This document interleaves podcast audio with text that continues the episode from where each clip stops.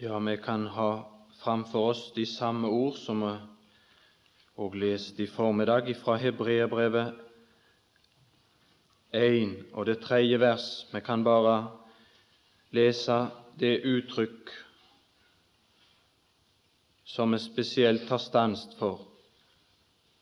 Da Han hadde gjort renselse for våre synder, satte Han seg ved majestetens høyre hånd i det høye. Og I formiddag så, så vi at han gjorde renselse, at han var i stand til det, og at han gjorde det. Og så leste vi òg litt om de frukter som vi i tro kan nyte nå som en følge av dette verk, som en følge av den renselse som Han har foretatt til Guds egen ære, at Han har gitt oss en fullkommen frelse, der vi for Hans skyld, på grunn av Hans verk, alltid kan ha ro og fred i spørsmål om både dom og død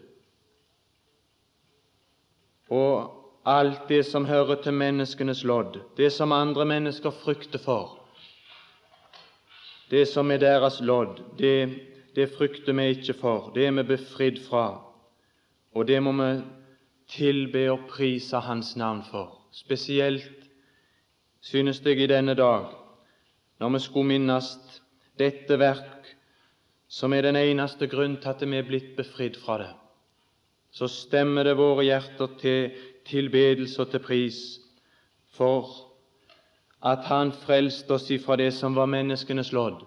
Og så er det en lodd som er tilfalt oss, som er livlig for oss.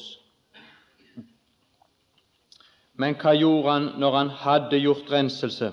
Jo, han satte seg ved majestetens høyre hånd. Før han gikk inn, så hadde han gjort renselse, og det var nettopp fordi han hadde gjort renselse, at han kunne sette seg ned. Han gjorde det ingen av ypperste prestene gjorde, fordi de aldri makta å gjøre renselse i virkeligheten. Og så satte han seg. Men hvor satte han seg? Hvor var det den Herre Jesus satte seg? Ifølge det vers vi her har lest, så står det at han satte seg ved majestetens høyre hånd i det høye. Og det ord som her er oversatt med majestetens høyre hånd, det, det er egentlig et ord som oversettes med storhet. Storhetens høyre hånd. Han har satt seg etter dette fullbrakte forløsningsverk, så han satt seg ved storhetens høyre hånd.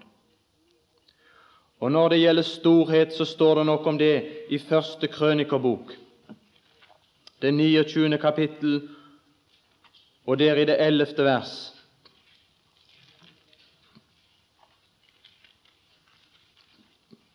Storheten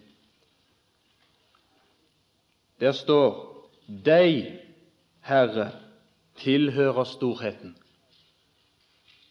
Deg, Herre, tilhører storheten, all storhet.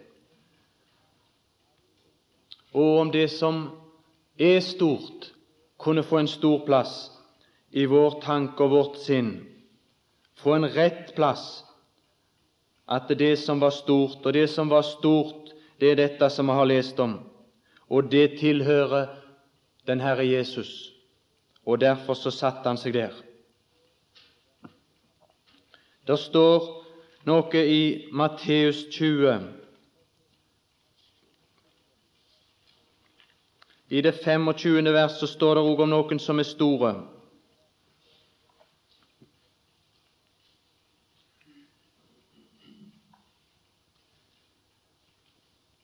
Matteus 20, 25. Men Jesus kalte dem til seg og sa:" Dere vet at fyrstene hersker over sine folk, og deres stormenn bruker makt over dem. Deres stormenn. I verden så er det dette som er stormenn. Det er slike som bruker makt over oss. Det er de som betegnes som store. Men så sier han i vers 26.: Så skal det ikke være iblant eder. Stormenn i verden, de hersker med makt over oss. Men den Herre Jesus, han har satt seg ved storhetens høyre hånd. Og det er en annen storhet, for det er den storhet som har vist seg i at han steig ned, steig ned til de djupeste dybder for å tjene oss. Han steig ned for å tjene oss, for å rense oss. Og så når han hadde renset oss, så satte han seg der, ved storhetens plass. Han satte seg ved majestetens høyre hånd, og så står det noe i det høye. I det høye. Det var der han satte seg. Men når, annen, når Paulus i Efeserbrevet kommer inn på det i det høye, så sier han hva er det? Hva er det at han for opp i det høye? Hva er det uten at han først for ned til jordens lavere deler? Der for han ned, der kom han som en tjener, og der kom han så langt ned, inn til døden, ja, korsets død. Og derfor, derfor har Gud høyt opphøyet han, og så har han satt seg der. Måtte denne storhet måtte den få en stor plass i vårt sinn. Han som ved at han gjorde renselse, og etter at han hadde gjort renselse, satte seg ved storhetens høyre hånd.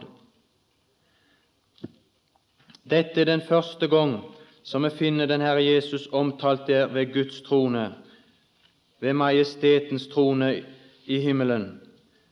Jeg vil lese om en annen plass her i Hebreabrevet der han òg omtales i den samme stilling, og det er i det tiende kapittel, og der skal vi lese det tolvte vers.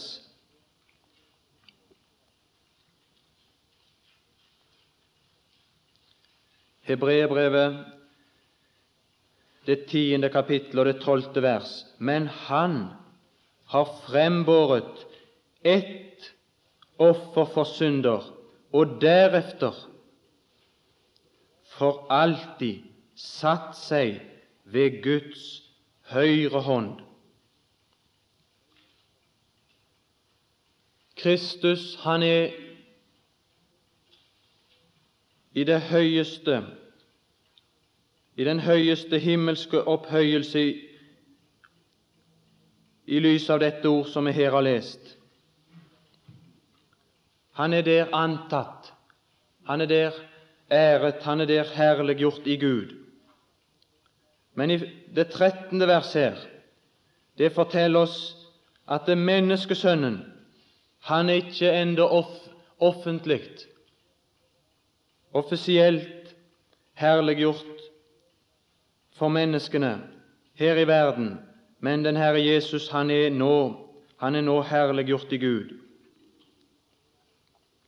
Og det, det er et resultat av at Gud var herliggjort i Han i dette ene offer. Når Han ble gjort til synd for oss, så ble Gud herliggjort med hensyn til synden. Og så har Han med ett offer for synder, ved å frambore det, så har Han deretter for alltid satt seg ved Guds høyre hånd.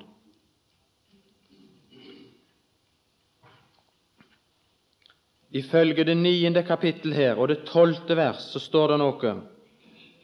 Hebreerbrevet det niende kapittel og tolvte vers. Og ikke med blod, slik var det ypperste prestene gjorde det, ikke med blod av bukker og kalver, men med sitt eget blod. En gang inn i helligdommen og fant en evig forløsning. Den Herre Jesus, han gikk ikke bare inn i helligdommen en gang, en gang i fortiden. Det er ikke det som står her i dette vers. Det er ikke bare at det er noe som hendte en gang for lenge siden, men det som her står, og som jeg synes er en usigelig, vidunderlig sannhet og et vidunderlig resultat av hans verk på Golgata, det var det at han gikk inn én gang. Han gikk inn én gang med eller ved sitt eget blod én gang. Ikke mange ganger, men én gang inn i helligdommen.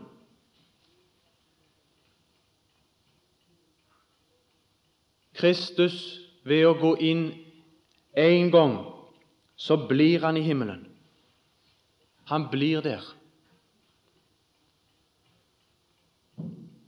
Han har gått inn i den himmelske helligdom for å bli der, i kraft av en evig forløsning, som det her står. I kraft av denne forløsning så blir han der. Dette blodet har en evig verdi. Det kan aldri forandre sin verdi.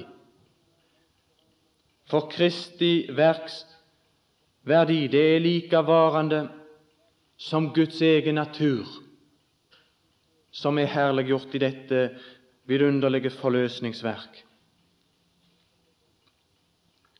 Det er ikke nødvendig for han å komme ut igjen og ofre nye offer.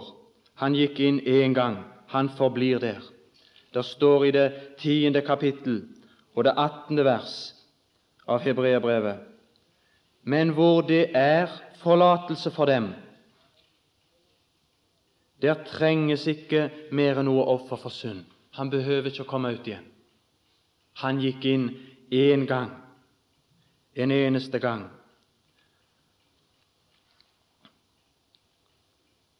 Men han har frembåret ett offer for synder, og deretter for alltid. Han gikk inn én gang, han sitter for alltid. Alltid satt seg ved Guds høyre hånd. Jeg synes at det her i, i Hebreerbrevet 10 her har vi to taler. Det er to som taler her i dette kapittel. Først så har vi Sønnens tale.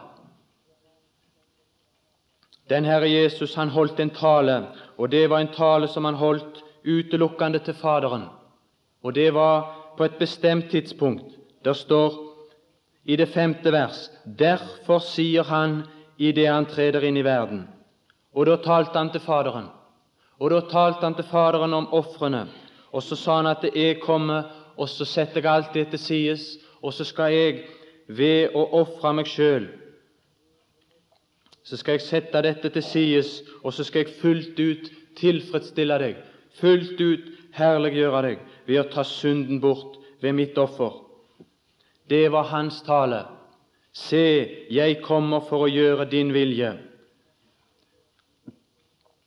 Men så leste vi her ifra det tolvte vers, som egentlig er Faderens svartale til den Herre Jesu ord.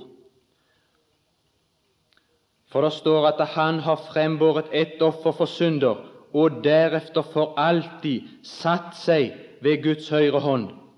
Og nå venter han bare på at hans fiender skal legges til skammel for hans føtter.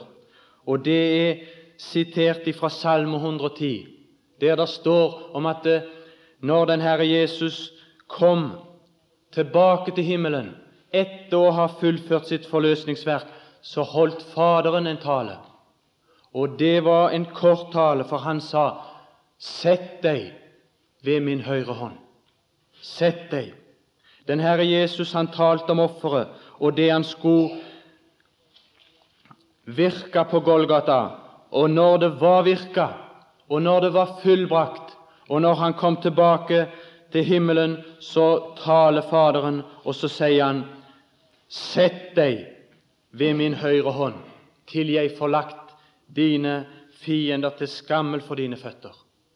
Og det er det som siteres for oss her i Hebreerbrevet 10. Sett deg, sett deg Og han har for alltid satt seg. Han har for alltid satt seg. For han gikk inn én gang, en eneste gang, for aldri mer å oppta seg med spørsmål om våre synder. Det er en fullført forløsning. Det er et fullbrakt verk. Og han satte seg der, står det her, han satte seg for alltid ved Guds høyre hånd. Og Jeg har tenkt at dette at han satte seg ved Guds høyre hånd, det må bety at han var antatt av Gud. For hvis vi leser f.eks. i, i Matteus 25, så står det om så står det om den dom som menneskesønnen skal holde over nasjoner når han kommer tilbake. Og der står det at uh, gjetene de skal han ta på sin venstre hånd, og de skal han si til dere forbannede, gå bort i den evige ild som er beredt djevelen og hans engler. Det var de som var på hans venstre hånd, men så var det noen som var på hans høyre hånd. Og for dem så sier han at de var velsigna. De var antatt. Og nå har den Herre Jesus han har satt seg ved Guds høyre hånd, antatt av Gud, antatt i himmelen. Det var Faderens ord til han. Sett deg, sett deg ved min høyre hånd. Her er ditt verk antatt. Forløsningen og ditt offer, det er antatt. Det er en fullbrakt frelse. Så kunne vi òg spørre videre hvorfor sitter han? Det står her og deretter for alltid satt seg ved Guds høyre hånd. Han er antatt, han er æra opp, opphøya der. Så kommer det 13. vers, og så kommer begrunnelsen, syns jeg, i det 14. vers. Hvorfor kan han sette seg ned? Hvorfor kan han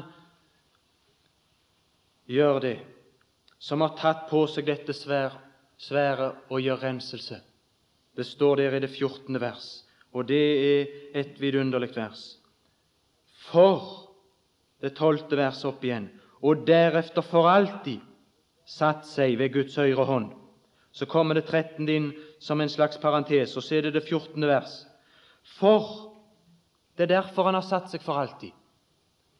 For med ett offer har han for alltid gjort dem fullkomne som blir helliget. Det er grunnen til at han kan sette seg ned med hensyn til det som har med våre synder og med å bringe dem bort ifra Gud, så kan han sette seg ned. For, for med dette offer så har Han for alltid gjort oss fullkomne.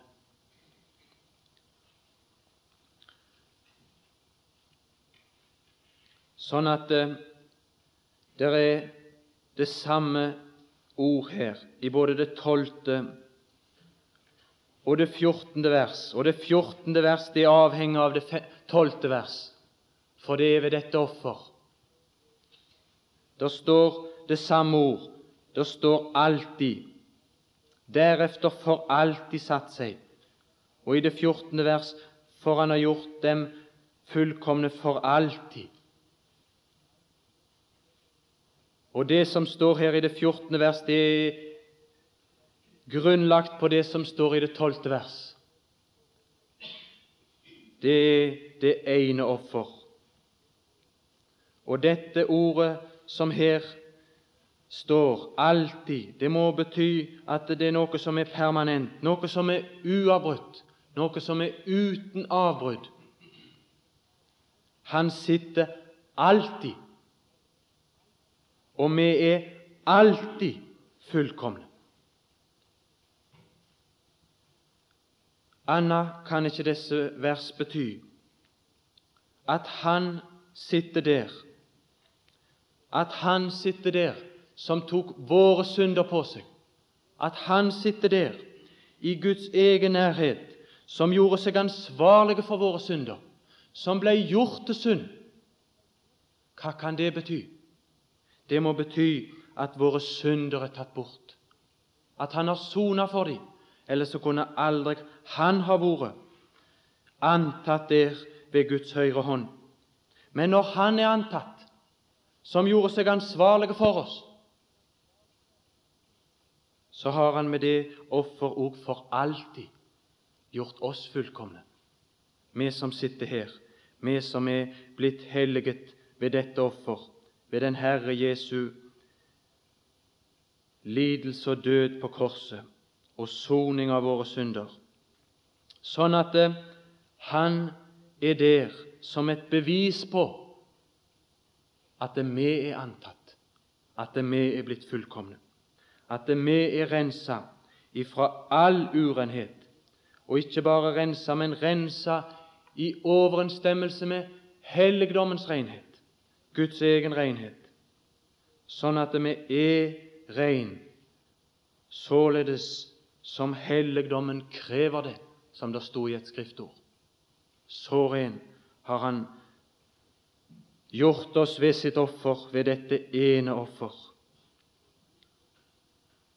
Dette må vel være noe å nyte for oss, nyte av i tro, vi som ikke ser annet i oss sjøl enn ufullkommenheter. Vi ser ikke annet enn fullkommenhet når vi ser i tro, når vi ser hen til Golgata. Han har gjort oss fullkomne. Fullkomne ved Hans offer. Sånn at det spørsmålet skal aldri tas opp mer. Det står i Hebreerbrevet 9, 28, der står det om når han skal komme igjen. Og da står det Således skal òg Kristus, etter å være ofret én gang for å bortta mange synder, annen gang åpenbare seg uten synd til frelse for dem som venter på ham. Det er ikke bare det at han var uten synd i seg sjøl, i sin egen person, for det var han jo når han kom første gang. Men det er det kan ikke bety annet dette verset enn at han kommer uten et spørsmål om synd. Det må bety at våre synder er tatt bort, at han har sona for dem. Ellers så kunne aldri han ha vært antatt der ved Guds høyre hånd. Men når han er antatt, som gjorde seg ansvarlig for oss, så har han med det offer òg for alltid gjort oss fullkomne. Vi som sitter her, vi som er blitt helliget ved dette offer, ved den Herre Jesu lidelse og død på korset og soning av våre synder, sånn at eh, Han er der som et bevis på at vi er antatt, at vi er blitt fullkomne, at vi er rensa ifra all urenhet, og ikke bare rensa, men rensa i overensstemmelse med helligdommens renhet, Guds egen renhet, sånn at vi er rein, således som helligdommen krever det, som det sto i et skriftord. Så ren har Han gjort oss ved sitt offer, ved dette ene offer. Dette må vel være noe å nyte for oss nyte de tro, vi som ikke ser annet i oss sjøl enn ufullkommenheter. Vi ser ikke annet enn fullkommenhet når vi ser i tro, når vi ser hen til Golgata. Han har gjort oss fullkomne, fullkomne ved Hans offer. Sånn at det spørsmålet skal aldri tas opp mer.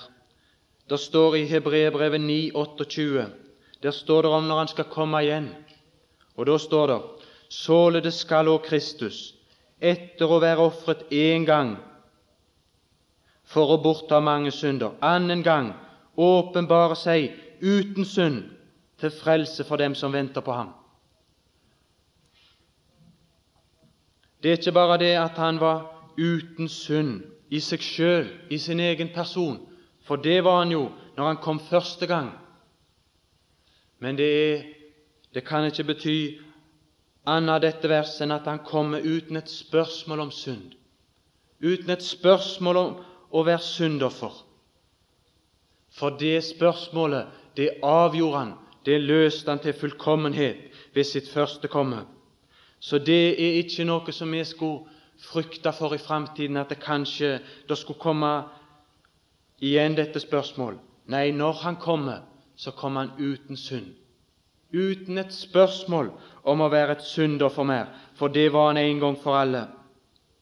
En gang for alle. Vi leste i formiddag at det Kristus led én gang for synder. Én gang. Han bar fram offer for synd én gang for alle når han ofra seg sjøl. For med ett offer har han for alltid gjort dem fullkomne som blir helliget. Ett offer. Ikke et offer bare, men ett offer én gang.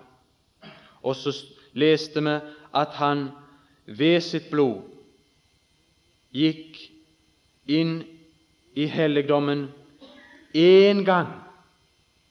Én gang inn i helligdommen. Og så blir han der. Men da kan vi spørre hva blir resultatet for oss? Hva blir resultatet for oss? Det står, synes jeg, så velsigna godt i det andre verset i Hebreabrevet 10. Der står det ellers ville de jo ha opphørt med å frembære dem, da de ofrende ikke lenger ville ha synder på samvittigheten, når de én gang var renset. Én gang. I lys av dette så er den som tror på den Herre Jesus, vi er rensa én gang. Vi er rensa én gang for alle.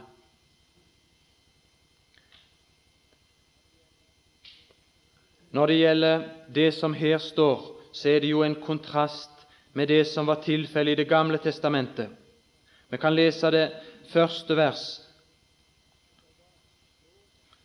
For da loven bare har en skygge av de kommende goder, men ikke selve bildet av tingene, så kan den aldri ved de offer som de hvert år alltid på ny bærer frem, gjøre dem fullkomne som kommer frem med dem. Ellers ville de jo ha opphørt med å frembære dem, da de ofrende ikke lenger ville ha synder på samvittigheten når de en gang var renset. Men hvis vi leser videre, og vi har jo allerede lest fra dette tiende kapittel, at det offer som vi samles om, det har makta å gjøre oss fullkomne.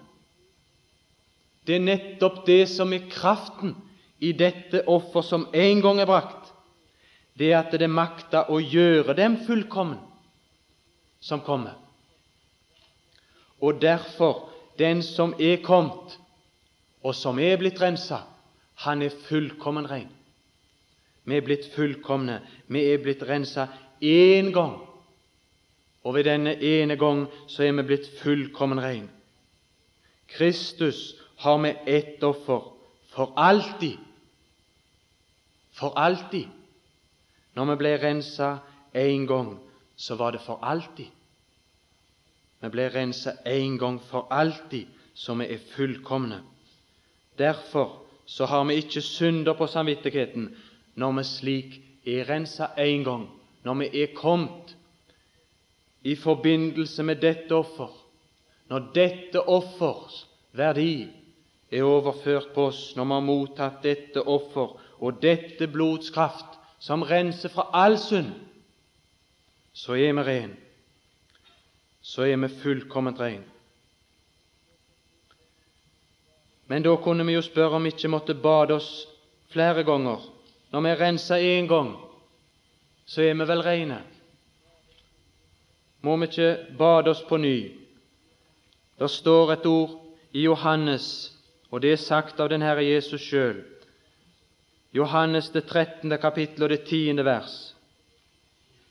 Det synes jeg er vidunderlig godt. som forklarer dette nærmere for oss, hvordan dette forholder seg. Jesus sier til dem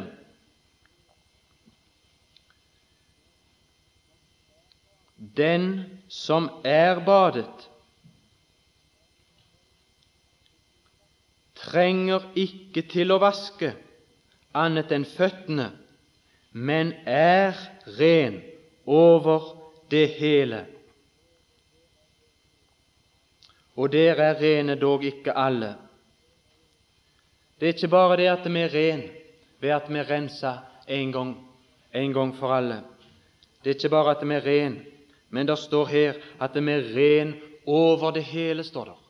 Ren over det hele. Og jeg syns at det er alltid godt, det er behagelig, og det er velgjørende å bade seg. Og når en kommer opp, så er en ren over det hele, og det er velbehagelig. Jeg tenker helst på slike bad som de har i Japan, for det er ikke akkurat like sånn som de har her i Norge. For de Badene i Japan de er fortreffelige. Og ikke bare at de er litt annerledes, men det er òg slik som det sikkert var i Israel. Det var varmt, og det var lett å bli urein og tilsmussa når det var varmt. Og slik er det òg spesielt om somrene i Japan. Da er det fælt varmt, og en blir svett og fæl. Og da å få bade seg i et japansk bad, når du setter deg så du er i varmt vann til halsen, og når du da stiger opp av badet Da er det godt å være ren over det hele. Det er en nytelse. Det er velbehagelig. Men det er noe som er enda mer vidunderlig. Det er noe som gir en bedre følelse, og det er i tro å se seg rein, å se seg bade her, så en er rein, rein over det hele. Fullkommen rein. Hele personen er rein. Det synes jeg er vidunderlig. Men så er det jo slik i det naturlige at det når Og i Japan så er det slik at når det er varmt, så må vi bade nesten hver kveld. Det er iallfall de fleste gjør det slik. Så blir vi ureine igjen, og så må vi bade igjen. Men hvordan er det her? Hvordan er det i vårt forhold til Gud? Er det slik der? Er det behov for at vi må bades igjen? Hva sier Jesus? Den som er badet, han trenger vel til å vaske seg flere ganger. Nei, den som er badet, trenger ikke til. Det er noe han trenger til, men han trenger ikke til å bade. Det store spørsmålet, det som har med vår persons frelse å gjøre, det er avgjort. Vi er kommet i berøring med Guds alter. Vi er kommet i berøring med offeret. Og da er vi rensa én gang, en gang for alltid, sånn at Han for alltid med det ene offer har gjort dem fullkomne. Og det er alene fordi at det blodets verdi det har ikke tapt sin kraft. Det har ikke tapt sin kraft. Blodet har den samme kraft og verdi i Guds øyne i dag som den dag når Kristus ofra seg på Golgata. Og samme, På samme vis er det òg med de kledningene som de hadde i ørkenen. De ble ikke utslitt. De måtte ikke ha nye klær igjen og igjen. Det er av og til det sies at du kan få komme som første gang. Nei, det tror jeg ikke vi får lov til. Vi får ikke lov til å komme som første gang. For når du kom første gang, så ble du rensa fullkomment. Så ble du bada, og så ble du ren over det hele. Og vi er rene over det hele. alltid i kraft av dette blod.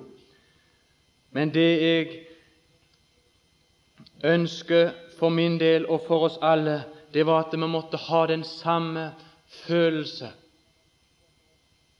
som når vi kommer opp av et bad. En følelse av velbehag, en følelse av en nytelse av at vi er ren. At vi alltid kunne se det slik i troen. Alltid kunne se slik i kraft av den Herre Jesu offer. Se slik innfor Gud, ren over det hele. Men det var noe her som det var behov for å vaske. Det var noe her som måtte til, og det var føttene. Men det er jo ikke det store spørsmålet. Det er jo ikke et bad. Og når det gjelder det, så vil jeg nevne én ting før vi slutter. Det står i det femte vers her, i Johannes 13, det femte vers Deretter slår han vann i et fat, og så begynte han å vaske disiplenes føtter. Han slår vann i et fat. Men hvor kom så dette vann ifra? Dette vann som han slo i et fat. Hvor kom det vann som han brukte den kveld? Det er det noe uvanlig med. Det står i Lukas 22 Der står det at disiplene de spør den Herre Jesus hvor vil du vi skal gjøre det i stand, påskemåltidet som de skulle spise den kvelden? Hvor vil du vi skal gjøre det i stand? Så sier han der i det tiende vers Han sa til dem Se, det var noe han spesielt ville henlede deres oppmerksomhet til. Se, se når dere kommer inn i byen. Se, da skal dere møte, da skal det møte eder en mann som bærer en krukke vann. Følg ham til det hus hvor han går inn. Det vil være et passende sted. Det vil passe for meg, det vil passe for dere. Der kan dere gjøre i stand. Men hva var det som var så merkelig ved det? Var det ikke mange menn den dag som bar krukker med vann. For dagen etter så var det høytid, og ingen kunne bære, og ingen kunne gjøre noen gjerning. Det måtte vel være så mange. Hvordan kunne de oppdage denne mannen? Det står noe i Første Mosebok, det 24. kapittel, og det 11. vers, som gjør at det som her sto i Lukas 22, det er noe uvanlig. Det står i Første Mosebok 24, det ellevte vers. Og han lot kamelene legge seg utenfor byen, ved brønnen ved aftenstid, den tid da kvinnene pleier å komme ut og hente vann. Her står det om det vanlige. Her står det om det som de, de pleide å gjøre. Det var at kvinnene pleier å komme ut og hente vann. Men her var det en mann som brakte vannet. Her var det en mann med en krukke, og det er, den, der er òg en mann, og det er den Herre Jesus, som vaska de den kveld. Det var mannen som brakte det vann som skulle være til deres renselse. Og den Herre Jesus han sa sjøl til Peter, dersom jeg ikke vasker deg, det er Han som må vaske oss. Det er Han som må behandle våre føtter, vår vandring, og ved sitt ord og ved sannheten at Den hellige ånd får bringe disse ord til våre hjerter. Bringe de inn i våre hjerter, slik at det, våre føtter òg blir rensa ved Hans ord. For Han er den som kom med blod og vann. Han kom med blodet som har renset oss fullkommen, som er ren over det hele. Og så vil Han òg ta seg av oss og vår vandring. Om det var noen som ennå ikke har trodd på den Herre Jesus, om det var noen som ennå ikke har bada seg i dette bad, måtte du få tillit til at det der er kraft i dette blod, at det der er kraft i Jesu blod, Jesu Guds Sønns blod, til å rense hvit som sne, så du kan bli ren, så du kan bli passende for denne Gud som er så ren. Skal vi takke òg i denne stund. Herre Jesus, alt det vi har lest, og alt det vi kan lese i ditt ord, det bare gir oss nye grunner til å tilbe deg, Herre Jesus. Det er du som har elsket oss, det er du som døde i vårt sted. Det er du som òg tar deg av våre føtter og vår vandring. Herre Jesus, vi takker deg inderlig i denne stund. Vi takker deg for at vi er blitt bada. Vi takker deg for at vi er blitt rensa en gang for alle. Vi takker deg for at vi er slik ren for deg, innenfor ditt åsyn alltid at vi er fullkomne. Herre Jesus, det er bare i tro at vi kan se dette. Herre Jesus, vi må takke og tilbe deg for du har ordna spørsmålet for vår del. Så det er ikke behov for det mer for vår del. Herre Jesus, ditt navn til ære. Vi lover og priser ditt navn. Amen.